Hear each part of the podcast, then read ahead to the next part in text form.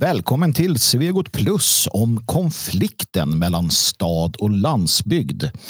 Vi som ska prata om det här ämnet är jag, Magnus Söderman och med mig har jag Dan Eriksson. Hej Dan! God dag Magnus!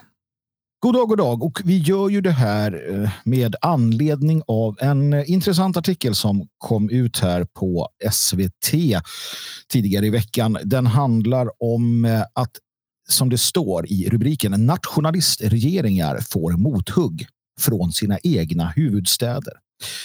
Och det det handlar om är att eh, ett antal huvudstäder eh, i Europa, närmare bestämt då eh, borgmästarna i Prag, Budapest, Bratislava och Warszawa har slutit en pakt för ett ökat EU-samarbete och eh, de har också ställt sig egentligen i motvärn mot sina egna regeringar som anses för nationalistiska eller för euroskeptiska och liknande. Det här är ett, ett, ett nytt eh, fenomen kanske i Europa i vår tid. Vi har sett liknande i USA där du har så kallade fria städer där man sticker stäv mot den federala regeringens beslut tillåter illegala invandrare att uppehålla sig och så vidare. Eh, och vi ser också generellt om vi tittar till hur människor röstar att storstäderna alltjämt är och storstäder och för den delen mindre städer där man kanske aspirerar på att vara lite mer storstadsmässig. Det är alltid där vi hittar de här progressiva idéerna. Det är där vi hittar vänstern på stark eh, frammarsch. Det är där liberalismen står eh, som eh, högst på agendan och så vidare. Och man kan nästan se att ju, ju bättre områden någonstans eller ja, i vissa områden i alla fall så kan Feministiskt initiativ ha i princip egen majoritet. Jag har bott i ett sådant område själv, Midsommarkransen i, i Stockholm. Eh, och det är ju någonting i det här, Dan Eriksson. Det är någonting i detta som vi måste bena ut och prata om. Storstäderna är på ett visst sätt, landsbygden är på ett annat sätt och det ska vi väl försöka bena ut helt enkelt. Ja, precis. Och jag tror att om man ska försöka på sig en kort förklaring eh, mm. till att börja med, innan vi benar ut det för mycket, så eh, kan det nog se så att, att människor i städerna är mindre bundna till jord, till tradition. Eh, de är mer atomiserade. De har inte, det är inte samma behov utav att, eh, liksom, av sina grannar, att man måste hålla ihop och sådär för att överleva. Utan staden har ju bekvämligheter på ett helt annat sätt. Det är oftast också centrum för resande, vilket eh, bör betyda att människor historiskt sett som bor i städer reser mer. Eh, och handlar mer eh, utom Socknes och utomlands. Eh, och, och, Samtidigt som eh, landsbygden tidigare till stor del har bestått av eh, bönder, det gör det till viss del fortfarande, men sen också av industrier. Eh, de här som på många sätt varit förlorare på eh, globaliseringen. Inte minst eh, liksom industriorterna där industrierna nu har eh, flyttat utomlands, vilket har lett till inte bara liksom hög arbetslöshet utan en, en känsla av att eh, man inte har eh, liksom riktigt någon mening med, med sin tillvaro, utan man glider runt på olika arbetsmarknadsåtgärder eller sådär. Och, eh, liksom, känner inte att man är med och bidrar på det sättet. Eh, vilket gör att man, och det är samma vi ser i USA, de här eh, så kallade flyover states Eh, de vi tar bort, tänker bort kuststäderna så är det ett helt annat USA. Eh, och mm. Som har varit stora förlorare på att man har flyttat produktion till Kina, att man lägger ner eh, kolgruvorna eh, och så vidare. Så att eh, det, det, är lite olika, lite olika världar och, och det är nästan som två olika eh, folk, eller åtminstone två olika klasser som, som växer fram. Mm. Jag tycker det, det, är intressant att se det här. Det är intressant att se hur det, hur det ser något sånär likadant ut faktiskt över hela vår jord. Eh, kommunismens gamla slagord är arbetare i alla länder förena er. Det kan ju faktiskt speglas till att storstadsbor överallt ni är förenade. För att det är som du säger, enligt mig i alla fall, homo urbanis, en, en ny människoart som växer fram som är eh, dess naturliga habitat är i allt väsentligt storstaden. Och, och där gäller en helt annan Eh, Eh, en helt annan, eh, ett helt annat livssätt. Eh, och, och, ju längre det fortgår och ju större städerna blir desto mer skiljer man sig åt, och desto mer blir det tydligt. Jag menar, det var inte för så länge sedan som en, en, jag vet inte om han var statsvetare eller professor i det ena med det tredje, som, som i princip konstaterade att svenska staten då, eller centralmakten eller AB Sveriges ledning helt sonika borde strunta i landsbygden. Man borde bara släppa Eh, Eh, till exempel Värmland sa han, det var inget att bry sig om för att det finns inget gott som kommer därifrån. Det, det, vi har inte tid att upprätthålla de här eh, glesbygdskommunerna eller landskapen som inte bidrar i hans värld och sådana som inte oroar sig för det här eller inte bryr sig. Så är det ju så snarare. Din analys var din korta analys och den du gav oss, men de skulle ju säga så här, nej men vänta nu Dan. Det är ju så att det kommer ju ändå inget vettigt från de här. Alltså alla smarta, alla som har lite go, de flyttar ju till storstäderna. De vill inte vara kvar i, i, i rabatten eh, och, och, leva meningslösa, innehållslösa liv. De vill vara där det pulserar. De är så pass intelligenta, så pass driftiga och så pass eh, liksom, suktande efter eh, att, att eh, att bli en del i det här maskineriet och göra avtryck, att de lämnar det här bakom sig. Det är inte mer än rätt. Det är till och med darwinistiskt korrekt och då får resten bara dö undan. Jag, jag tror att det är en sån inställning man har faktiskt. Det är mycket möjligt. Och, och, Det du nämner här också med, eh, jag menar det här med centralmakten, för det är också ett genomgående tema historiskt mellan land och stad. Alltså den politiska makten eh, har ju i stort sett alltid varit koncentrerad till städerna. Det är där kring sen städerna växer fram. Eh, och eh, Det har ju funnits den här konflikten mellan stad och land där land eh, liksom landsbygden har strävat efter oberoende, självbestämmande, kunna äga sina egna marker, eh, inte behöva ge bort för mycket i skatt till kronan eller vilken typ av statsbildning man nu har. Eh, och, och eh, Samtidigt som ehm, maktens intresse har varit ett annat. Eh, dels då att tillskansa sig mera makt och mera resurser. Eh, men det är inte alltid att man har gjort det här av ondo. Ser man i Sverige över eh, liksom, som säga, moderniseringen och effektiviseringen av det svenska lantbruket, som i stort sett tvingades på de svenska bönderna, mm. så har ju det lett till högre produktionstakt. Men det är också utifrån då eh, nya ekonomiska teorier som kommer om den här tillväxten som måste till och så vidare. Som ja, sen har lett till massa andra problem. Vi kommer komma in mer på kanske historien sen, men det här finns ju historiskt, de här konflikterna mellan stad och land. Och Det är eh, två olika liksom, människokaraktärer som, som dominerar stads eh, kontra landsbygdsbilden. Mm, jag tänker mig att stad-landsbygd, det, det, det är korrekt i sak, men också att konflikten står kanske snarare, eller i modern kontext, mot centralisering eh, eller decentralisering. Om man, om man tänker sig så då, att de här, de här borgmästarna som eh, då sitter i eh, i Bratislava, Warszawa, Budapest och Prag. De gick alltså ut nu och så sa de att vi har bildat en allians mot den nationalistiska populismen. Mm. Och de vill söka sig närmare EU på egen hand. Det de gör är att de, de vänder sig ifrån sin nation Eh, och vänder sig mot EU som är en överstatlig, ett imperie, en, en centraliserings, uh, ett centraliseringsmonster. Mm. Um, men tittar vi på till exempel historiskt sett Dacke som man kan känna eh, förvisso sympati för, men jag känner ju mer sympati för nationsbyggaren Gustav Vasa. För någonstans så, så har jag i alla fall inte det problemet med nationen som till exempel Sverige eller nationen eh, Ungern eller nationen Polen eller vad det kan vara. Den, värnar jag ju. Jo, um, men, men, och Det här blir intressant för att du lever ju nu och du växer mm. upp i när den här nationen och den, den centraliseringen är ett faktum redan. Precis. Eh, och, och det, är liksom, det är en del av din identitet. Jag menar, hela reformationen och hela Gustav Vasas um, stadsbygge som man, eh, man kan hitta massa kritik emot hur det går till och så vidare. Men det är ju avgörande för den svenska identiteten.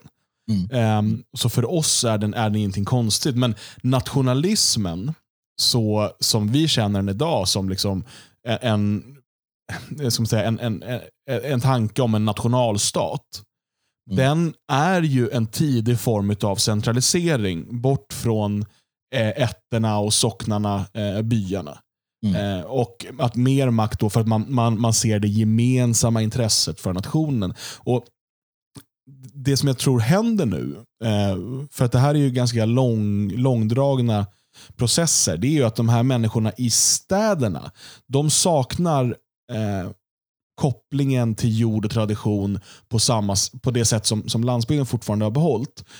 Um, vilket gör att för dem är nästa steg i centraliseringen, alltså det att gå mot, mot ett, ett starkare EU, är mm. mycket lättare att ta. För att det här steget från by, ett och socken till nation och nationalstat, det ligger så långt bakom dem redan. Det är redan, och både du och jag, vi är uppvuxna i staden. Vi bor idag på landsbygden, men vi är uppvuxna i staden. Eh, för oss är det... Alltså, visst, jag kunde liksom på något sätt identifiera mig med min förort och med Stockholm. Men det var inget svårt för mig att identifiera mig som svensk. Medan eh, mina resor runt om i Sverige och träffa dalkarlar och värmlänningar eh, som har sin regionala identitet eller sin byidentitet eller släkt och så vidare på ett sätt som inte alls fanns i staden där jag växte upp. Eh, och, och, Det är säkert samma sak i, i Polen, Tjeckien, Slovakien och Ungern som vi talar om här nu. Och Därför blir det för dem, det här är bara nästa steg i liksom utvecklingen och, och, och centraliseringen. Mm. Intressant så är det ju en sak som eh, det, det togs upp i debatten mellan Alexander Bard och Gustav Kasselstrand. Alexander Bard pratade om framtiden och identifierade vad han ansåg vara den utveckling som kommer. Och han pratade om stadsstaternas återfödsel egentligen. Stadsstater som vi såg i, Grekland bland annat och liknande. Alltså, där en stad i princip är en stat och, och med, lite, med lite angränsande områden. Han menar ju på att det är ditåt vi också är på väg med till exempel då de stora företagen som, som gott och väl kan etablera sig som, som en egen stadsstat. Google skulle ju ha ekonomin att göra om inte annat och har väl delvis gjort det i USA där man där man har sina egna städer helt enkelt som har växt upp kring företaget. Men, men det blir också en, en naturlig konsekvens av det som händer med centraliseringen i EU där allt fokus riktas mot det som är den ekonomiska motorn i varje nation. Det är ju oftast huvudstaden eller eh, de större städerna. Det är det som är drivkraften i Tyskland. Det är Berlin, Frankfurt och några till sådana här eh, städer. Det är, det är de som är rikast. Det är där liksom allting finns och det är där också centralmakten har sina eh, befästningar. I samma, eh, samma sak blir det i Sverige. Och för EU då, som är ett imperium, så spelar nationen, den vidare nationen är ju ganska oväsentlig. Utan det som är intressant är ju de eh, motorerna då för ekonomin och den eviga tillväxten som ska matas. Och det här är en, en otrevlig liknelse, men den matas ju med eh, foder som mals ner. Och det är människor som man matar staden med. Som staden maler ner sakteliga och genererar då vinst och tillväxt till det här monstret. I det här fallet bland annat då EU, men också andra liknande entiteter. Det är i alla fall så jag ser det. och Det kanske är, det kanske är att ta i, men jag, jag har svårt att se det på något annat sätt. Men Frågan är inte om också den här den tekniska eh, utvecklingen, inte minst inom transportområdet, eh, gör det här eh, alltså det gör det nästan ofrånkomligt det här med att, att, att städerna blir eh, att, att saker koncentreras där kring. I början av 1800-talet så var det bara 10% av Sveriges befolkning som levde i städer. Ja. Alltså, och, och idag, jag vet inte vad siffran är idag, men det är förmodligen åt andra hållet någonstans. Det lär det vara. Um, och, och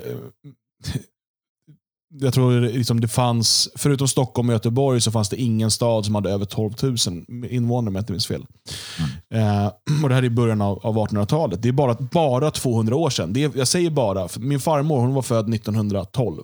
Mm. Alltså, hennes, går det två, tre generationer tillbaka så är du där. Mm. Hennes liksom, farfars far, då är du där. Då bodde, då bodde bara 10% av befolkningen i städerna. Eh, sen kommer slutet av 1800-talet med, med järnvägen. Eh, jag menar idag när vi har flygmaskiner och allt sånt här. Eh, så, eh, så är det en helt, en helt annan verklighet. alltså. Det, det eh, och, jag, jag, eh, det är svårt utan att det blir en teknologisk kollaps och se att det skulle gå åt andra hållet. Det intressanta tycker jag, det blir ju de, här, de människor som dels väljer att bo på landsbygden, sådana som du och jag, och sen sådana som måste bo på landsbygden, alltså våra bönder, lantbruk och jordbrukare och så vidare. Eh, för att det går inte att bedriva i stan på ett vettigt sätt. Mm. vad händer med dem om vi ser en utveckling med stadsstater? Men alltså först och främst så menar jag väl att eh, det måste inte vara så. Alltså den här, det, jag förstår, det är naturligt att, att städerna får den roll de får. De har alltid fått det, men det beror ju lite grann på att det har varit ett köpmannaherravälde. Um, I princip från att Kain slog ihjäl Abel, um, jordbrukaren Abel, och flyttade eh, till eh, och byggde en storstad som heter Nod, tror jag, den största staden han byggde. Ända sedan den tiden så har vi haft ett köpmannaskap, en, en, en, en, ett, ja, ett, ett eh, kapitalistiskt, rovkapitalistiskt välde som, som ser människor som eh, spelpjäser. De ska inte leva av jorden, de ska inte eh, inte har den kopplingen till hembygden utan de ska vara eh, spelpjäser i ett maskineri som ska gagna ett fåtal i, i princip om jag hårdrar det hela ganska mycket. Och med den grunden så får du det naturligt med Hansastäderna, med, med hamnstäderna, med, med liksom hela den biten. Och, och lägg där då till att människan lockas till att bli eh, mindre och mindre andlig och mer och mer materialistisk. Och det är ju någonting som har pågått länge. Jag menar, det är ingenting nytt för vår tid i sig. Utan att, att stå efter materiella ägodelar och att den som har mest när man dör vinner någonstans. Det är en ganska, skulle väl vissa säga, mänsklig eh, fallenhet. Men det behöver inte vara så. Det finns ju andra värden. Och, eh, de börjar ju, de, de, det, kommer till, det är en cyklisk tillvaro vi lever i, så de kommer ju åter med jämna mellanrum du får en, en samhällsrörelse som, som kastar av sig den här gamla materialismen och återknyter till, till sitt arv eller till de här immateriella värdena. Sen kommer det tillbaka och så där håller det på fram och tillbaka. Men hela tiden har ändå förskjutningen varit mot, den här, mot det här som vi, vi nu ser och som, som vi lever i och som slutar eller mynnar ut med eh, megastäderna från Judge Dredd. Eh, ja, jag, jag, menar inte att det, det finns en liksom typ deterministisk, linjär eh, historie. Alltså, så att det, det, finns bara ett håll det här går åt. Utan jag, jag, jag tror, eller jag tänk, tycker att vi redan ser en eh, motreaktion. Det fria Sverige är en del av den motreaktionen. Mm. Eh, och, och, att väldigt många svenskar, bra svenskar, kommer vilja lämna städerna eh, för att söka trygghet och gemenskap eh, på Eh, på landsbygden helt enkelt. Och, eh, om, om vi kan konstatera också, och, och det här bygger lite av hela vår analys på, att det kommer bli sämre framöver. Eh, alltså att den här ekonomiska tillväxten kommer inte kunna hålla i sig, inte minst på grund av den demografiska utvecklingen. Och då menar jag inte bara massinvandringen utan eh, åldersstrukturen i vårt folk. Ehm, så kommer vi inte kunna hålla uppe den här, det här ekonomiska systemet. Uh, vilket gör att vi kommer få uh, stora, stora problem uh, inom en ganska snar framtid med som basala saker som, som, som mat, och el och vatten och sånt som kommer vara svårt att få det att fungera. och Då kommer ju människor på landsbygden vara förberedda på ett helt annat sätt. Mm. och, och precis som du så ser jag, ser jag ju det här cykliskt och, och studerar vi civilisationers uppgång och fall så vet vi att, att man har den här typen av liksom, stora städer som växer fram. Eh, dekadens och en, en allmänt eh, tappad moral och så vidare. Eh, och mm. Sen brukar det där gå under i, i någon typ av syndaflod. Mm. Men det där är ju jätteintressant som du, som du är inne och rotar på. För att vi kan ju ställa oss frågan varför varför blir det så här i städerna? Va? Och, eh, vår stora fördel, det att både du och jag är stadsbor från början, det gör att vi helt utan problem kan kritisera stadslivet och storstadsmänniskan. För vi är sådana i grund och botten. Eh, det är alltid jobbigare när någon med dialekt sitter och är präktig om, om liksom Stockholm och säger att det är som det är. Eh, det gillar vi inte. Jag gillar inte ens det själv fortfarande, fast jag ofta håller med om det. Nej, men det är ju samma som, som när man, jag får klaga på svenskar och Sverige mycket jag vill, men när min fru som är tyska gör det. Det blir men tyst, säg inte sådär. Nej, men vad är det som händer då? Varför som sagt så ser vi New York och eh, San Francisco och Chicago och, och Los Angeles och Budapest och Warszawa och, och Stockholm och, och Berlin. Varför är alla vänsterblivna? Varför är alla sådana progressiva liberaler? Varför varför är det så? Och, och, du tog upp det här historiska du, du, har ju de här första städerna, vad heter de, Katalhöyük och någonting i nuvarande Turkiet eller där i krokarna. Levanten är vi oftast i när vi pratar om de här eh, som växer upp. Och du har Birka, du har eh, längs Sidenvägen. Alla de här städerna som växer fram pö om pö under historien. Det, det, de har ju vissa saker gemensamt.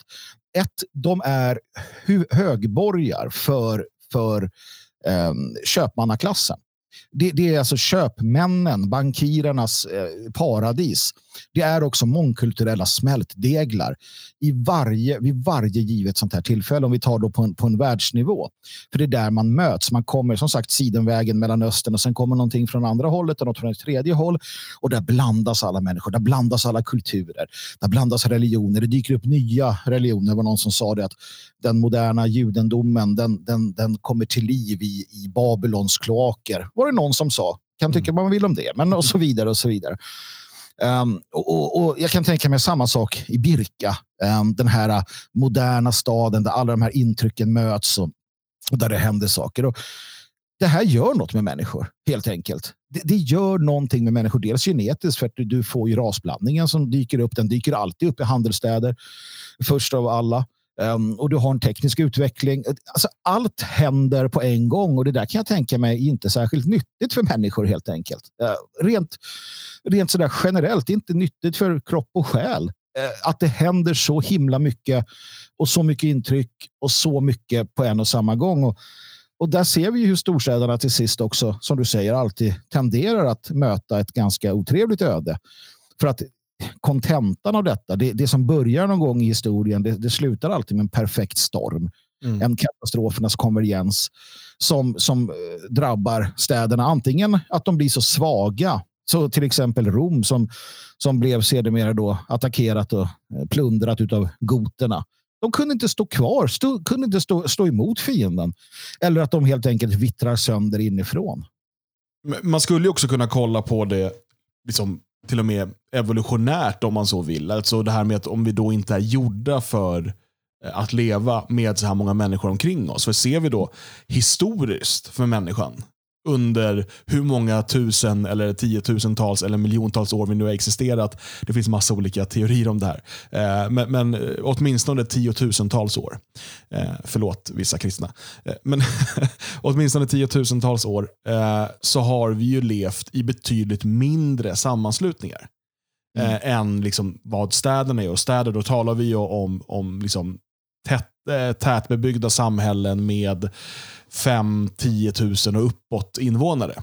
Eh, mm. Vi har levt helt annorlunda under liksom, ja, resten av mänsklighetens historia. Och, och Det är klart att man skulle då kunna förutsätta att vi inte är eh, skapta för att klara av det här och kunna sortera det och kunna förstå det. Vi vet vad det gäller liksom mänskliga kontakter och man har sagt att en människa kan komma ihåg ungefär, jag tror att det är hundra liksom personer. Hundra mm. som man kan namna ansikte på. En normal människa. Mm. Eh, mer liksom har vi inte plats för. Det har inte funnits något liksom evolutionärt behov för det. Eh, och, och, och, Där tror jag också då att liksom städerna kan ha en, en nedbrytande effekt på människan. För att det är, det är precis som att du idag bombarderas av liksom reklam och digitala intryck och allt sånt där. Det blir väldigt, väldigt mycket väldigt, väldigt svårt att, och, och sortera. En del saker går in i det undermedvetna, det är så reklam fungerar. Medan eh, andra saker bara liksom ligger och tränger och gör ont eh, och du inte riktigt förstår varför. Mm. Nej, visst är det så. Jag, jag, hittade här en studie som säger att du kan känna igen eh, en, en människa kan känna igen upp till 5000 eh, personer utifrån deras ansikten. Mm. Den här siffran flyttas hela tiden framåt har jag märkt också. Det finns tidigare forskning som säger just mellan 50, 100, 150 individer. Det är liksom det, det vi klarar av.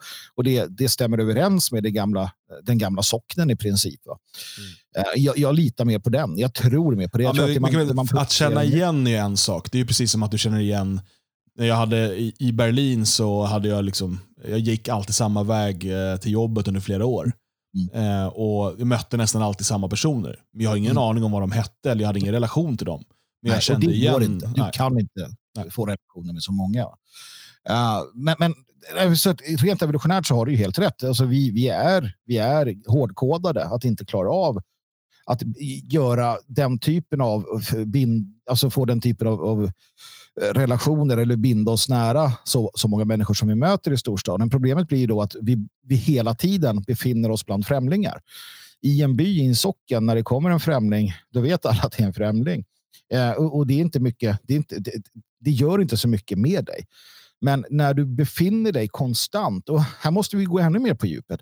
Vi är ju gjorda för att vara väldigt vaksamma kring främ främlingar. Alltså det är någonting som händer i kroppen när vi är bland människor vi inte vet vilka de är. Mm. Och att då befinna sig konstant i en miljö där du inte har koll på någonting, förutom kanske den, din vän du åker tunnelbanan med. Det, där blir en, en konstant press på på människan och på psyket. Och jag tror inte att någon har gjort någon forskning på det, men jag är ganska säker på att det där påverkar också över tid. Antingen genom att man blir avtrubbad eller på andra sätt. Jag vet inte, men det jag vet är att eh, och det här från att ha bott i en storstad länge så vet jag ju också att det gör någonting med dig. Och, eh, det, det, är inte bra. Punkt slut. Sen, sen eh, reagerar människor olika och vi kan väl lika gärna göra det nu på en gång. Vi kan ta den där brasklappen och säger att vi målar med en stor, stor och bred pensel. Eh, jag erkänner att det finns människor som kanske tycker alldeles utomordentligt bra med storstadsliv och som faktiskt inte påverkas negativt av det. Det finns, finns mycket bra människor som eh, befinner sig i storstan också som lever sina liv där. Och ja, det är också så. Men sen är det också så för kulturliv och så vidare kan det också ja. vara intressant just att du bombarderas av alla de här intrycken, vilket eh, istället för det som skulle kunna vara ett ganska monotont liv på landsbygden där du lever med årstiderna och liksom det är samma visa eh, året om och, och sådär. Och, och, som många människor finner trygghet i och som har många starka saker så kan det vara för en, en konstnär eller en författare eh, av godo att liksom drabbas utav staden. Absolut, och jag, jag tror också att eh, beroende på hur man, hur man formger staden så, så har en um, olika påverkan. Du kan bygga vackert, du kan bygga luftigt, du kan bygga grönutrymmen, du kan göra allting för att göra staden um, staden eh, aptitlig och bra. Ja, vi kommer aldrig bli av med städer. Jag tror inte ens det är önskvärt heller. Städer kommer alltid finnas. Uh, och I sådana fall handlar det om att man, man måste ju uh, man måste se hur man, hur man bygger dem, hur de ska se ut och hur de ska planeras.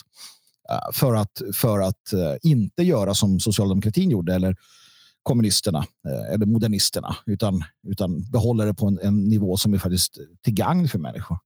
Mm. Så, att, så det, det, är väl lika bra att vi säger det på en gång. Men återigen, kalla fakta är att det är i städerna som folkförrädarna har sina absolut starkaste fästen. Alltså storstäderna eller städer som aspirerar på att vi vill vara som storstäderna. Det är där de finns.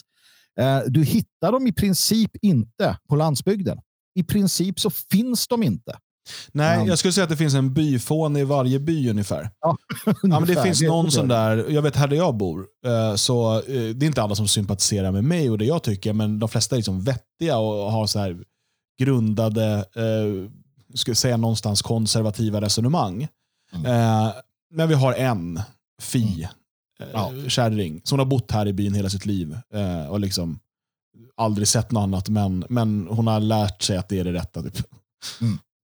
Nej, men precis. Så jag menar, visst, sosseriet finns ju, de här gamla partierna. Du har ju centerpartister överallt. Som är... Jo, men där har du också. Det är inte så att sossarna eh, i, en by som här då i södra Närke, att en sosse här är likadan som en sosse på Södermalm. Nej, de, de, de, de, det, är, inte ens samma parti känns som. Och Det är samma sak med Centern. Du har ju gamla liksom, bondeförbundet, gamla bondecentern. Ja, och sen har du Stureplanscentern. Mm. Nej, men sen, sen, tror jag också att du generellt har, eh, alltså på landsbygden så, så, så är det smart.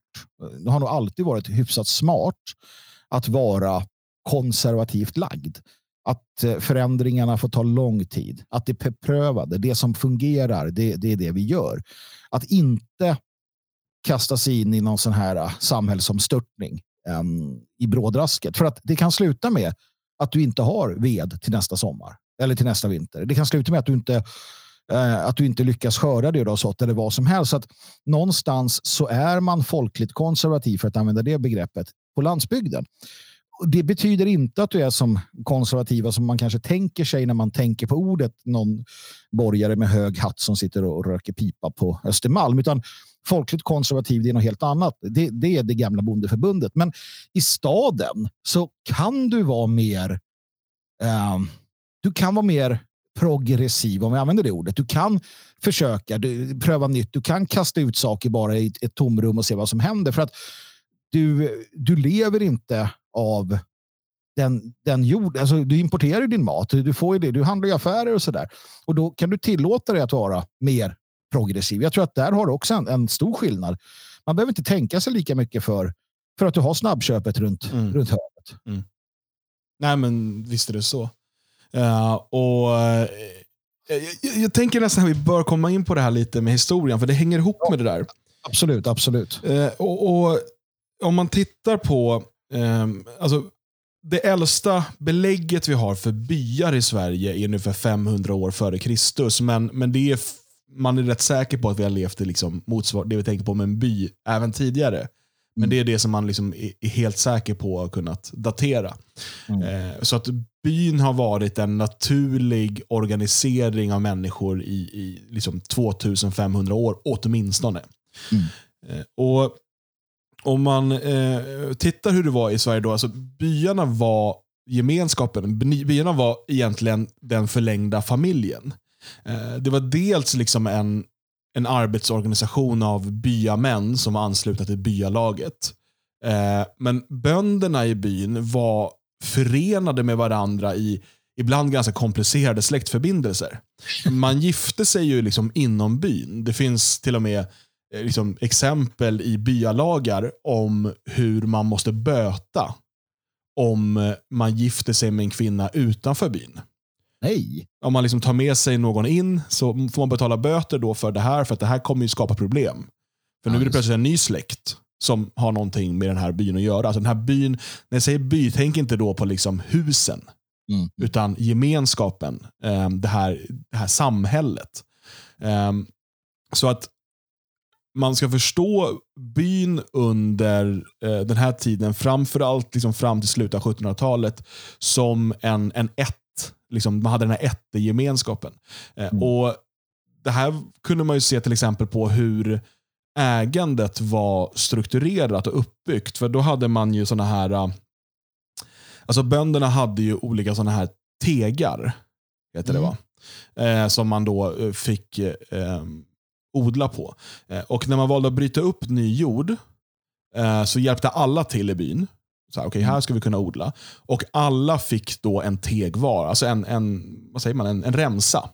Mm. Utav den här jorden. Okay, då kan det vara eh, vissa eh, 10 meter breda, i andra byar har de varit så smala som två meter breda. Det beror lite på. Eh, och Man kunde då se, eh, man talar ofta om att man gick upp i kyrktornet för att kunna titta ut över åkrarna.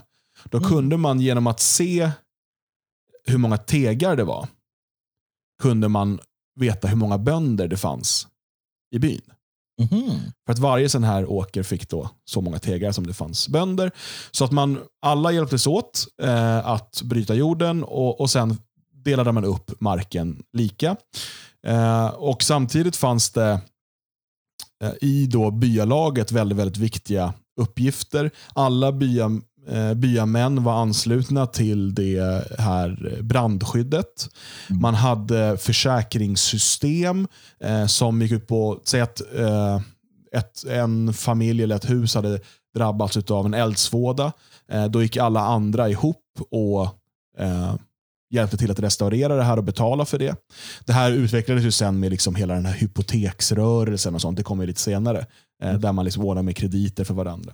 Samma sak så hade byn ett, eh, ett, liksom ett ansvar för sjuka eh, och ansvar även för eh, fattiga. Och Det fanns liksom i själva strukturen att du skulle hjälpa någon som var fattig till exempel genom att kunna ha en, en fattig stuga på din mark eller någonting sånt. Alltså det här löstes inom byn.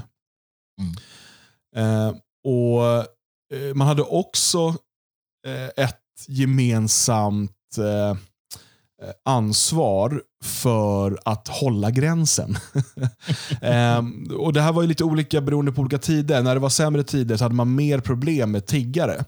Eller mm. som man kallade det då, lättingar och landstrykare. så att i oroliga tider så satte man ut vakter på vägarna eh, så att de här inte skulle komma in på bygatan. Däremot hade man system för det man kallade för ärbara män. Alltså det, det kunde vara allt ifrån liksom, eh, handelsresande till eh, man pratar om förlista sjömän och sådär. Som av någon anledning kommer till byn. Eh, mm. Och De skulle man hjälpa och man hade system man skulle turas om då att ha de här i sina hem. och så. Jag måste bara bryta in här för det är så intressant. för Det, det, du, det du berättar om det är egentligen det som som, och det här är, det är intressant av det skälet att en gång i tiden så levde vi i Sverige under, under stormaktstiden så hade vi nära på en, en mosaisk lag, alltså det gamla testamentet. Det var, den, det var som var grunden för lagen som Gustav Adolf den store och Karl XII och, och grabbarna höll på. Det intressanta är att det du berättar här, det, det finns exakt återgivet eh, i hur, hur man ska arrangera samhället. Det vill säga att det finns eh, främlingar och så finns det främlingar. Mm. Det finns främlingar som inte har här att göra och de ska man inte visa vare sig en annan kind eller en enda eh, liksom bry sig om på det sättet. De ska man hålla borta och bekämpa medan det finns främlingar som man definitivt tar in i gemenskapen och hjälper på alla sätt och vis. Och Det där är intressant för att idag använder man ofta de här argumenten. Ja, men förr vi alltid, det, det står att man ska hjälpa alla flyktingar och främlingar. Men det gör det inte. Men här så visar ju också hur man tänkte i det gamla bondesverige. Vissa hjälper vi såklart, andra har vi satt ut vakter för. Så det är jätteintressant det där. Mm. Ja, för Det som händer sen i mitten av 1700-talet, det ska jag, ska jag komma till. För att där förändras det här med tegarna och man effektiviserar på olika sätt. Och Det här är ett påbud uppifrån ifrån centralmakten. Mm. Men jag ska bara läsa ett stycke um, ur Alf Åbergs När byarna sprängdes. Så skriver han så här. Det är omvittnat hur stark traditionen var i de gamla byalagen. Citat, gemenskapen regleras av förfädernas efterdömen vars efterlevnad är inpräglad som oryggeliga grundlagar. Slutcitat, skrev landshövdingen i Älvsborgs län i sin riksdagsrelation eh, för åren 1751-1754. Traditionen var inte bara en styrka utan också ett tvång. Man var beroende av sina grannar och det gavs inte något utrymme åt det enskilda initiativet. De fria krafterna vore bundna av byalagets kollektiv. Jorden gav dålig avkastning i de splittrade tegarna och med de fäderna ärvda brukningssätten, men ingen vågade bryta sig ut ur byn. För de flesta betydde dock den ständiga samvaron med andra ett oskattbart värde, både under arbetsdagarna och under fritidens fester. Um, alltså, Det här systemet med de här tegarna, det var inte effektivt. Det var inte Nej. bra för skördarna. Uh, men det höll uh, byn samman. Mm. Man hade det här uh, gemensamt. Även om i den här boken skriver Åberg också att man har framförallt från vänsterhåll i efterhand velat lyfta fram det här som någon typ av kommunism. Mm, vilket mm. det absolut inte var. Han går igenom, man, hade, man ägde ju sitt eget, du hade privat ägande och så vidare. Men däremot fanns det, om man ser det på som en större familj blir det enklare att förstå. Mm. Uh, och Det som händer sen i uh, mitten på 1700-talet uh, är ju det så kallade storskiftet. Mm. Uh, och, och, Det här förändrar ju hela den, den svenska uh, byn och, och, de svenska bönderna. Uh, så, och Det man gjorde då var att man det här var ett påbud ovanifrån och det här tog ganska lång tid att implementera. Jag tror det var 1749 som det liksom kom det här påbudet, men det dröjde, alltså i Dalarna så brydde man sig inte om det här på typ 200 år. För det här var dumheter. Men i södra Sverige gick det snabbare. Det börjar i Skåne och så kryper det uppåt. Um, och, och, då istället så har man de här sammanslagna större åkrarna som liknar mer det vi har idag. Mm. Uh, och man då delar ut att okay, det här tillhör den bonden, den här åkern och den åkern tillhör den bonden. Um, men vad det här gjorde var ju såklart att det slog sönder gemenskapen mm. i byn. För plötsligt, kanske inte första generationen, men du går några generationer framåt. Mm. Uh, och plötsligt så är ni inte ute och brukar samma jord. Ni bryter inte jord tillsammans, utan det här är min. Det här är min plätt. Uh, och Den ligger ganska långt ifrån de andra. De behöver jag inte träffa om jag inte måste. Uh, mm. Och Ska jag ha mer, då får jag bryta jord själv längre bort. Uh, på, på allmänningen då, om jag får tillstånd. istället för att det här var något gemensamt. Samtidigt så började det komma de, de här gemensamma försäkringssystemen från, man inrättade senare landsting och sen, sen från staten. Då. så att byalaget och, och byns funktion um, på olika sätt um, slogs, uh, slogs sönder.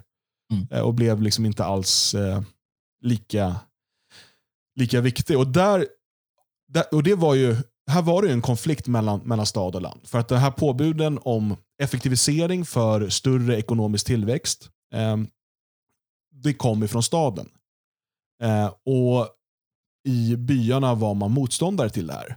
Men mm. bit efter bit så gav man med sig.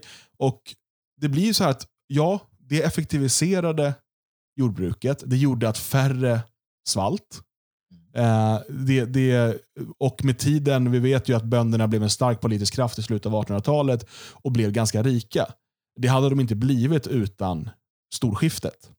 Nej. Eh, men det bröt också sönder det som har lagt till grund liksom den Hel, alltså det, det som vi mycket ser som svensk tradition. För att Det som hände sen på 1890-talet och så vidare är ju eh, den, den, nationalromantiska eran. Då börjar man ju titta tillbaka mm. till de, det gamla bondesverige. Mm. Och Det är det här man sen romantiserar. Som tur var hade det här konserverats i Dalarna. Mm. Det är därför som, som eh, 90-talisterna eh, var så eh, var så intresserade av Dalarna. Och Sen har vi son som flyttade upp dit och så vidare. Eh, för att det är där man kan hitta levande spår av det gamla bondesverige. Just det. Eh, och, och, och, och, Det är ju superintressant. för att och, Här får man ju väga själv. Liksom, att Man ska komma ihåg det. Att tiden, den här tiden, det var inte bara liksom bra. Eh, människor levde, många människor levde väldigt torftigt. Framförallt de som inte ägde någon egen jord. Eh, som då blev husmän eller backstugusittare. Eh, de fick ju funka som någon typ av arbetskraftsreserv eller liksom daglönare åt bönder. Eh, och De levde väldigt torftigt och eh, det var ju de som oftast då strök med först av alla under hungersåren som kom med jämna mellanrum när skördarna var dåliga. Eh, så att, så att det var inte så att det var att det var något enkelt liv alltid. Samtidigt eh, ska man inte få för sig att det bara var skit heller. Eh, det finns ganska tydliga beskrivningar om ganska återkommande stora gillen. Mm. Festligheter. Eh, och, och so, Som åtminstone jag blir avundsjuk på när jag, när jag läser dem. Och eh, jag, En eh, lite kul eh, text som jag hittade handlade också om begravningar. Ska se om jag kan om jag hittar den här. För att jag, idag så är begravningar ganska tråkiga tillställningar. Ja, det är inte mycket kul som händer.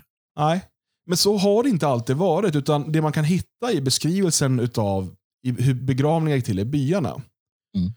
Eh, så eh, var det en begravning där man bars då till sin sista vila utav resten av byamännen som turades om. Eh, och Varje byaman önskar sig alltid att få en hederlig begravning och att hans minne ska drickas i ett lika gott öl som grannens. Eh, och Man berättar då hur gravölet efteråt ofta, blev ofta ett storslaget gille som pågick i flera dagar till den döda byamannens ära. Mm. Eh, och Det finns något vackert i det. Mm. Att ja, vi liksom, Det är klart att det finns en sorg och liksom vi ska begrava vår, vår vän nu, far eller bror eller vad det nu är. Eh, men sen ska, vi, sen ska vi, för att ära honom och det han gjorde här på jorden, så eh, ska vi ha trevligt ihop nu i flera dagar eh, och, och dricka öl och dansa och sjunga. Jo, men alltså när vi har en historieskrivning som präglas av vänsterblivenhet och har haft det i ganska många år. Den gör ju allt för att visa att det som var innan arbetarrörelsen kom till, det var elände. Mm. Det, det, är ju så. Jag menar, allt ifrån att kyrkan var jättetråkig och alla tvingades sitta där men ingen ville egentligen vara där Eh, med en tråkig präst som var elak och husförhörde alla var elaka och alla var elaka. Alla slog varandra och kvinnorna fick stryk och barnen fick stryk. Och det fanns ingen glädje. Det är ju det som vi lär oss. Det var i alla fall det jag lärde mig om liksom, den tiden. Det var bara elände och strävan. Och, oj, oj, oj. Mm. Så att, det är inte så konstigt att all glädje, all lycka och allting som faktiskt fanns eh, har, har någonstans trängts undan. Och, och till och med hos, hos våra alltså 90-talisterna som ändå hyllar det här. Även hos dem så finns det där karga, eh, eländiga med eh, på något sätt eh, mm. märker man i vad de skriver. Det är samma med, med Knut Hamsun och, och hans litterära verk Markens gröda och så där. Det är mycket elände och det, det fanns ju där, men man, man, sa, man glömmer nog bort att berätta om, om de andra aspekterna av det hela. Mm. Men en sak jag tänker också som, som vi förlorade, menar jag, som civilisation eller som nation på att, att det var så agrart, det var ju just det här med den, alltså den genial, genialitet som någonstans slösades bort på åkrarna i vissa fall. För att problematiken ligger i ett agrart samhälle att alla måste ju vara där, alla måste hjälpa till. Det vi kan se historiskt sett är att de stora tänkarna, de stora statsmännen, de stora politikerna, de stora allting har ju kommit från läroverken och sen faktiskt från städerna. Mm. De, kan, de har flyttat från sina åkrar. Um, de har flyttat från sin familj. Det har ju kompositörer och författare som, som vi kan vittna om genom hela historien och fått någon mecenat som har hjälpt dem. Um, och Det här var ju också det som, som bonderörelsen identifierade som sitt största problem. Det faktum att deras egna företrädare inte hade tid att formulera program. De hade inte tid att formulera uh, böcker som arbetarrörelsen hade. För arbetarrörelsen hade i alla fall helgerna lediga. De hade i alla fall tid uh, att träffas i städerna. Men det hade man inte på landsbygden och det har man fortfarande inte på samma sätt. Mm. Det här kulturella utbytet finns inte. Så att mycket eh, genialitet vågar jag, vågar jag hävda har plöjts ner i de svenska åkrarna. Och där har du ju ett jätteproblem, eller hade i alla fall ett jätteproblem med landsbygd kontra stadsstäderna. Mm. Ja, verkligen. Och, och Något mer som händer här det är ju att eh, under hela den här eh, eller så här, åtminstone 750 år av den här bygemenskapen så är ju eh, kyrkan Eh, en väldigt viktig samlingspunkt. Den, mm. den är liksom avgörande för, för byn. Och Varje by har sin lilla liksom, bykyrka eller sockenkyrka. Eh, och eh, när Först när det här stora skiftet sker i mitten på 1700-talet så beskrivs det också hur eh, alltså, vad säger man, deltagandet i kyrkan hela tiden minskar. Mm. Det, det, är någonting med att gemenskapen i byn försvinner och då blir den här samlingsplatsen inte lika viktig och man, man blir mer atomiserad. Mm. Eh, mm.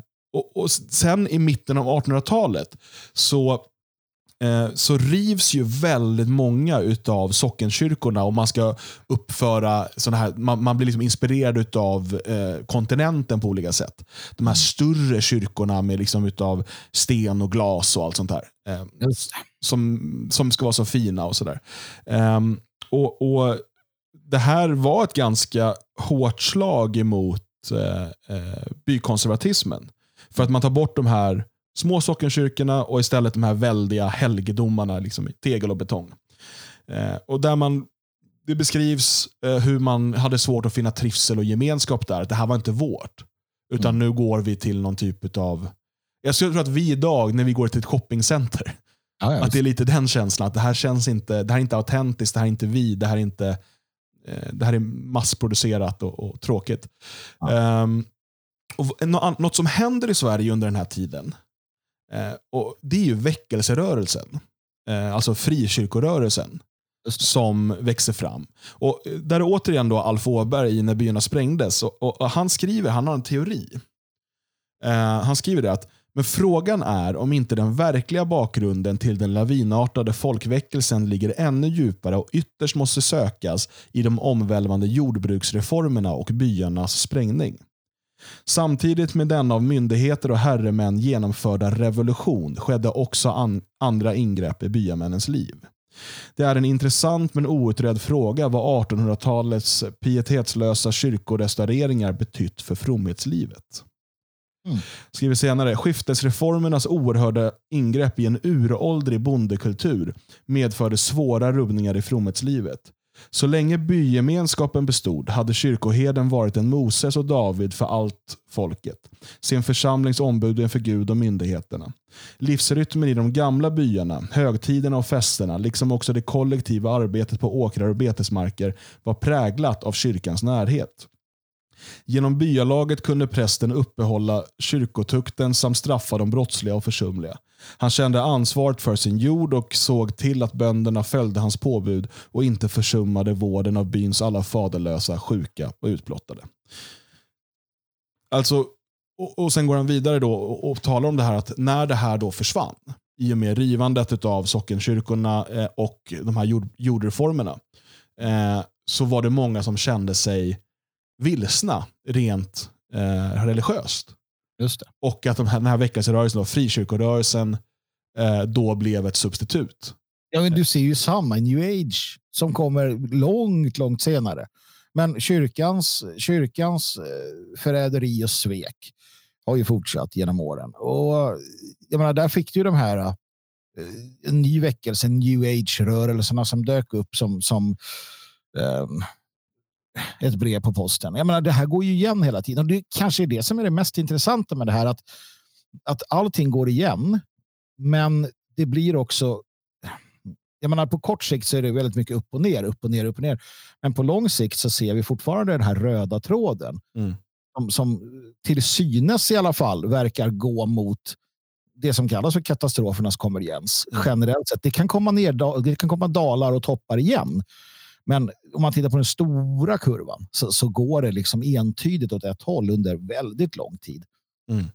Um, och, och, Det är ju där vi befinner oss någonstans. Så att, jag menar, å ena sidan så å ena sidan så är ju frågan hur mycket skillnad det gör idag. Om, jag, menar, jag, jag, skrev in det här i mina anteckningar. Ska alla flytta ut till, till landsbygden? Är det det som måste ske? Eller spelar det någon roll om alla gör det? Eller kan man, kan man få till någonting bra i alla fall? Och hur kommer framtiden se ut? Jag menar, med den tekniska utveckling vi har med, med internet och allting. Skulle man kunna ha en levande landsbygd med en massa människor, men fortfarande att, att var och en blir sin egen lilla ekonomiska motor som ändå kan samverka. Och, och Jag vet inte. Det, det är det här som är det stora svarta mörka hålet som jag inte riktigt vet vad som finns i. Som man ser fram Nej, och, och saken är att vi kan inte ändra på det som har skett.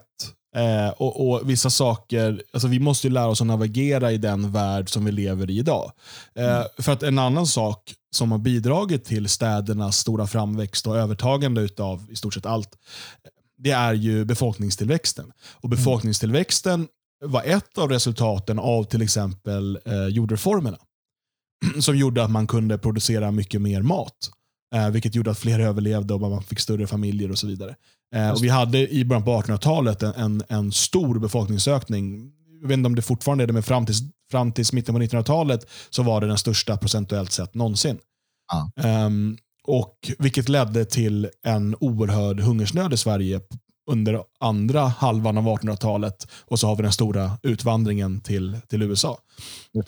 och um, Där jag menar, vi, vi är där vi är idag och vi har en, en, ett, ett land med åtminstone sju miljoner svenskar. Vi har en värld med vad är det nu, sju miljarder människor eller något i den stilen. Ja, något sånt. Det växer hela tiden. Jag vet inte. Och Det är ingenting som vi riktigt kan stoppa mm. eh, eller förändra, utan vi behöver ju hitta... Vi kan, för vi kan se då att okay, jordreformerna och det, det förändrade slog sönder de här, den här gamla uråldriga bytraditionen. Vi fick en snabb befolkningstillväxt, eh, vilket ledde sedan också till industrialiseringen och, och eh, urbaniseringen och så vidare.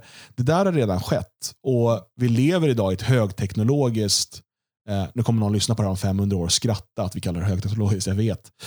Sitter där i det vita rymdimperiet. högteknologiskt. Ni kunde ju inte ens, eh, jag vet inte, någonting vad de då kan. Eh, men, men, så är det. Just nu känns det högteknologiskt. Ja. Um, och, och det, vi kan resa över hela jorden och, och allt sånt här. Um, så är det ju. Och då måste vi hitta sätt att fungera i den här verkligheten. Precis, men det är här också det blir intressant. För vi ser återigen kalla fakta är att i det vi kallar då storstäderna eller de som aspirerar på att bli storstäder, där ser vi hur de här idéerna som faktiskt eh, förtär oss är som starkast. Och, och tvärtom då så ser vi um, generellt hur på landsbygden man har en annan inställning. Det är ett faktum. Vi ser också, och jag vågar hävda att konsumtionen av antidepressiva eh, läkemedel och liknande, de är också knutna på ett helt annat sätt till de större folkkoncentrationerna. Det är också där vi ser hur um, kultur och, och, och folkblandningen blir som mest påtaglig.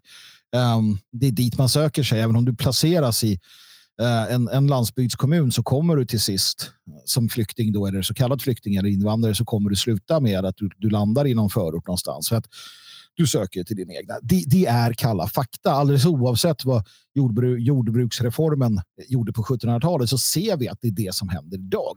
Mm. Å andra sidan, eh, och det är intressant, de som, och det här kan vi läsa om idag också, för att förr var det så att du flyttade från landsbygden till staden och då fick du mer tid. Eh, som sagt, det är därför sådana eh, stora tankar tänks. De tänks i städerna. De tänks när du kan lämna åken, när du kan sätta dig och filosofera. Nietzsche hade aldrig tänkt en tanke om han var tvungen att ploga från eh, bittertidigt till sen kväll. Liksom. Åtminstone hade han inte skrivit ner den och formulerat den. Idag ser vi snarare hur många, i alla fall inom de vetenskaper eller de filosofiska tankeriktningar som jag värderar, hur de eh, söker sig bort. Man hittar skrivarstugan i skärgården. Man, man söker sig bort från, från pulsen i storstaden för att kunna tänka klart, tänka rent. Mm. Det, det, det, är ett skifte här. Då. Um, så att det är där vi befinner oss. Och vissa saker kan vi liksom konstatera. Och, och, Det gäller också att ha koll på historien och ha koll på vad som har hänt för att veta varför vi är där vi är. Och själv, för att i, i grund och botten så är det upp till var och en. Det är upp till du, dig som lyssnar. Vad ska jag göra med mig själv och min familj? Um, jag tänker inte lägga någon värdering i vad man kommer fram till, men personligen har jag ju landat i att landsbygden föredrar jag um, av, av de skälen. Just att, att, uh, att, att det är ett annat liv. Att man kommer bort ifrån det som jag ser som, som destruktivt i det långa loppet. Mm. Där jag har växt upp och varit verksam i större delen av mitt liv. Um, så, så väljer jag gärna bort det. Mm. Vi kan ju se eh, problem på landsbygden också såklart. Eh, och, eh, vi talar om det här att, att eh, många av de som vill studera då, de, de försvinner ju till städerna. Det, det, finns dock en rörelse på att de här människorna sen flyttar tillbaka.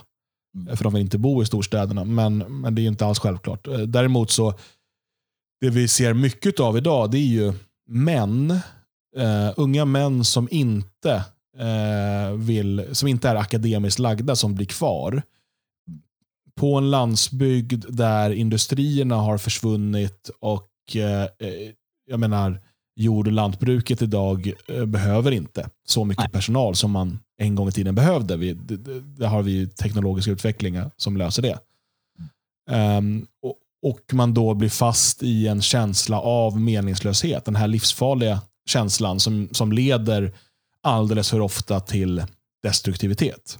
Mm. Uh, och Här tror jag att, att vi i det fria Sverige och, och liksom nationalister i allmänhet har ett oerhört stort uppdrag. Oh ja. I att hitta och hjälpa, alltså skapa mening för eh, våra folkkamrater runt om i landet som, som har svikits av, av globaliseringen. Eh, och Det går inte att bara då appellera till den idealistiska ådran. För den är olika stark hos olika människor. Vi är alla olika där. I att mm. liksom du ska se att du ska göra rätt och riktigt och, och för ditt folk och sådär. Eh, det funkar för, för några av oss, men eh, vi måste hitta andra sätt som gör att man känner att man, man inte är tärande eh, för sitt samhälle. Precis, och det här är ingenting nytt heller. Om vi tittar på svensk eh, efterkrig efterkrigshistoria, men också innan. Alltså slutet på 1800-talet, början på 1900-talet. Folkskolan. Varför växer den fram? Jo, det är för att man inser att okej, okay, eh, många flyttar ju till städerna när de får chansen, men de som blir kvar, ska de bara gå och harva? Nej, det ska de inte. Mm. Eh, därför börjar man med folkskolor och man börjar med, med eh, folkhögskolor vad det lider. Det här är initiativ från, från våra eh, företrädare i princip. Va? Hembygdsrörelsen lika så eh, kommer i efterverkningar av detta. Du har en, du har en sån stor man som Per Nilsson Tanner, eller Tanner, författare, hembygdsforskare som, som är extremt aktiv Eh, på, i, sina hem, i sin hemsocken eller i sin hem, hemby just för att hitta det här. För det, det, är som sagt inte nytt. Det är inte nytt att, att eh, driftiga, för det är ofta driftiga också naturligtvis, flyttar till städerna. Utan, utan det här är någonting som vi har gått igenom och man har försökt hantera. Och nu är det tid igen för detta. Eh, och här måste vi som nationalister kliva in. Det här är vår, eh, precis som det var då, vår, vår uppgift att, försöka anta. Dels för att jag menar, man, man tillsatte ju stora kommittéer för att, för att så här, hur ska vi få svenskar att stanna i Sverige och inte flytta till USA? Det var ju jättemånga som drog. Mm. Då tillsatte man kommittéer för att ha kvar de här. Man ville inte ha det. Precis som att idag så i många länder så, så, så ser man ju att för 17, här sitter Stefan Löfven och, och liksom lockar hit människor. Han lockar människor från Indien eller Afrika till, till Sverige.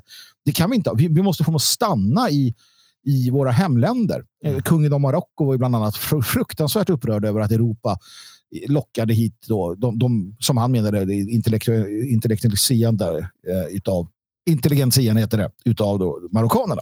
Mm. Och samma sak måste vi då i det fria Sverige till exempel som sitter här fundera. Hur kan vi hjälpa till för att göra åtminstone där vi bor attraktivt nog för människor att stanna kvar eller, eller komma tillbaka till. Och det, här måste bli en, det här måste bli en bred rörelse som, som vida går långt bortom det fria Sverige. Den här måste bli en levande folkrörelse för alla som bryr sig om sin hembygd. Um, och våga själva satsa och våga själva erbjuda och möjliggöra möjligheter för människor att vara kvar. För att återigen, centralmakten kommer inte ta det ansvaret för de vill inte ha en levande landsbygd. Faktiskt, det vill de inte för att det är mycket lättare att genomföra sina samhälls eh, verksamheter i storstäderna bland rotlösa, raslösa, kulturlösa människor än vad det är på landsbygden. Det är någonting som historien visar oss. Landsbygden tenderar att hålla stånd. Från ditmarsken till eh, bönderna i, i eller bergsmännen i Bergslagen eller, eller vad du vill. De håller stånd. Nybyggarna i USA, boerna i Sydafrika. Nej, de vill inte. Men storstaden, den vill gärna förändras och kräver att, att man fortsätter understödja dem. Så att här har vi en jätte jätteuppgift och jätteutmaning. Vad vi ska göra? Jag har ingen aning. Det är så intressant att du nämner det där med folkskolan. För att folkskolan var ju eh, privata initiativ det var inte eh, sossarna om du trodde det, för nej, det nej. tror ju alla. Nej, nej. För det första så är folkskolan eh, från mitten av 1700-talet. Nej, men det var eh, sossarna, det tror ju alla. ja, eh, utan det här var eh, privata initiativ från byarna. Mm. Byarna som, som ordnar med sina egna folkskolor. Eh, och Det här gjordes väldigt mycket på, på ideell basis. Man involverade sen kyrkan och med tiden kunde man avlöna en eller två folkskollärare. Eh, och Det här är alltså mitten av 1700-talet. Det dröjer fram till 1830-talet innan politikerna börjar bry sig. Eh, och Det här börjar då diskuteras i riksdagen. Och 1842 så fattar riksdagen beslut om obligatorisk folkskola. Eh, och Man bestämmer då att i varje församling ska finnas minst en fast skola och läraren ska avlönas av församlingen som då kan få statsunderstöd. Kunskaperna ska inte vara förbehållna bönderna ensamma. Alla, också torparnas och lantarbetarnas barn, ska få lära sig läsa, skriva sitt eget namn och behärska de fyra räknesätten. Senast i nioårsåldern ska barnen inställa sig vid skolan. Eh, så man tog ifrån eh, eh, byarna självbestämmandet eh, och möjligheten att utforma sin skola. Sen, det här följdes sen upp, jag tror det var ungefär 20 år senare, som den första eh, mer ut, eh, ut eh, säger man, utarbetade läroplanen kom. Eh, och under eh, protest från, eh, från konservativa och, och, och eh, det här, återigen, ännu ett slag mot den här lilla bygemenskapen. När det skulle istället skötas från, från centralt håll. Vilka krafter har vi bland de styrande politikerna? Låt mig gissa att det finns en hel del liberaler inblandade i detta. Det är väldigt mycket liberaler eh, och, revolutionärer eh, inspirerade av eh, franska revolutionen och inte minst eh, eh, vad det, 1848 års revolution, va? februarirevolutionen i, i Frankrike, mm. Paris. Ehm, som, eh, och det, här, det här löper ju genom hela Europa under den här tiden. Men glöm inte bort alltså att de, de, de här, eh, och det är kul att se då när vi har den här vänsterliberala eh, vänsterliberala, som många kanske tycker är en underlig, en underlig, eh, ett, en underlig relation. Den är inte särskilt underlig. Om vi tittar på den här de här radikala liberalerna som vi ser i Sverige eller annorstädes. Det är ju en form av protokommunister allihopa. Det är, det är ju samma eh, från, från, det är två sidor av samma mynt. Det, det är inte svårare än så. Ja, det intressanta med Liberalerna på den här tiden, och det är ju samma sak idag, det är att de här sakerna ska centraliseras på olika sätt medan näringslivet mm. ska vara helt av oreglerat. Precis. Så att, äh, det, det, det, det är faktiskt eh, väldigt intressant. Så att folkskolan och, och så här, jag är inte emot att människor lär sig läsa och skriva. Eh, det är inte riktigt eh, där jag är. Men, men det vi kan se det är också ett steg i, i hur eh, byarna eh, försvann som, som den grundläggande gemenskapen. Eh, när eh, folk inte längre gick till man hette Åldersmannen då, som var, han var en typ av ordförande i byalaget. eller till kyrkan för råd och sådär. Utan man ansåg då kunna stå på egna ben genom att man hade lärt sig att läsa. Just det. Eh, vilket också hjälpte till då att, att slå sönder eh, bygemenskapen. Återigen, jag är inte för att vi ska, folk inte ska lära sig läsa, men, men det är intressant hur det finns ett talesätt som säger ingenting ont som inte har någonting gott med sig. Eh, mm. Och Det gäller ju såklart åt andra hållet också. Ja, ja. Eh, det är bra och Jag tror att det är bra för vår utveckling, speciellt vår utveckling mot det vita rymdimperiet, att människor kan läsa och skriva. Mm. Eh, men det var också dåligt för den uråldriga, mångtusenåriga tradition vi hade i byarna. Mm. Nej, men det, gör ont som, det gör ont när knoppar brister. I vissa fall så måste det göra ont också för att vi ska kunna ta nya steg som människor. Mm. Det är jag rätt säker på. Det, det jag ser någonstans är att mycket av det här det var nödvändigt ont. Och, och det, det, man, man, kan ha en, en, romantisk bild av det, men det som har varit har farit. Men det vi ser nu, menar jag, det vi ser är att det har spårat ur. Va? Så att jag har inget problem med tidens gång, jag har inget problem med utveckling, men vi är på ett sidospår. Ett sidospår som riskerar att leda till eh, vårt folks faktiska biologiska och totala undergång med tiden. I alla fall som någon form av dominerande kraft. Och det riskerar att skada väldigt många människor på kuppen. Eh, därför så, så, vill jag se att vi tar ett hårt tag om rodret och sakta men säkert styr på rätt spår. För att mycket av det här som vi har lämnat bakom oss, om vi, om vi bara värderar det, om vi ser det, om vi har kunskap om det, då kan vi implementera det när vi så att säga tar riktning mot det vita rymdimperiet. Och det är på riktigt en vision som vi ska ha. Mm.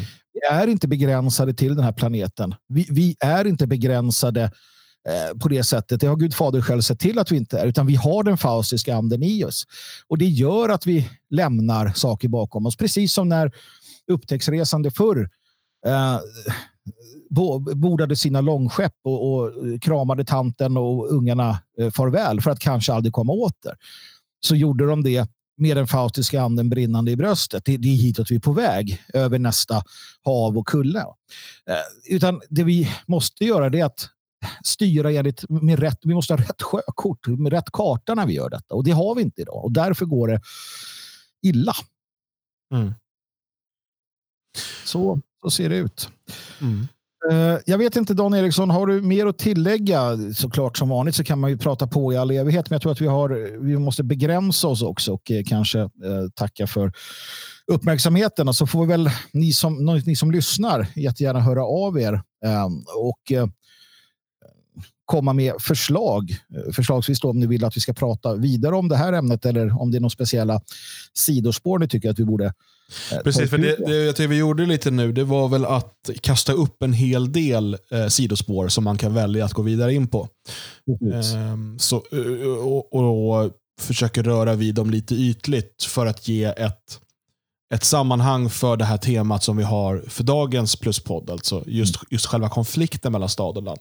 Men, men sen har du ju eh, alla de här olika delarna som dels är värda sin, sin egen liksom, historiska podd eh, och kanske även att resonera kring, kring de här sakerna och det som har hänt. Eh, och eh, Just det här vi började med också, den, den de här händelserna i Visegradländerna. Eh, hur, hur, kommer det påverka framöver? Det var vi inne och rörde lite på. Det är säkert ämne för en, en hel podd, bara det, att spekulera kring och, och, och titta på historiska exempel. Visst, det dök upp en del intressanta namn också. Alf Åberg, Per Nilsson Taner och så vidare. Det finns, finns författare och, och tänkare i Sverige som vi definitivt måste röra eh, mycket mer vid eh, eftersom vi gräver där vi står.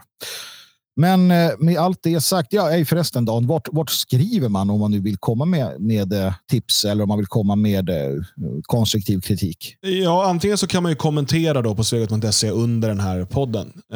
Eller så kan man mejla till kontakt svegot.se. Och för dig som lyssnar på Plåtspodden, missa inte att du kan prenumerera på själva Eh, poddarna i din poddapp så du slipper gå in på hemsidan hela tiden utan kan få dem direkt i din telefon. Det finns information under podden här på hemsidan hur du gör för att, för att prenumerera. Så är det. Då tackar vi så mycket för oss och eh, rätt vad det är så är vi tillbaka igen med någonting nytt här från Svegot Plus. Och som vi brukar säga, speciellt när vi har berört de här ämnena, så säger vi så här. I fäders spår för framtidssegrar.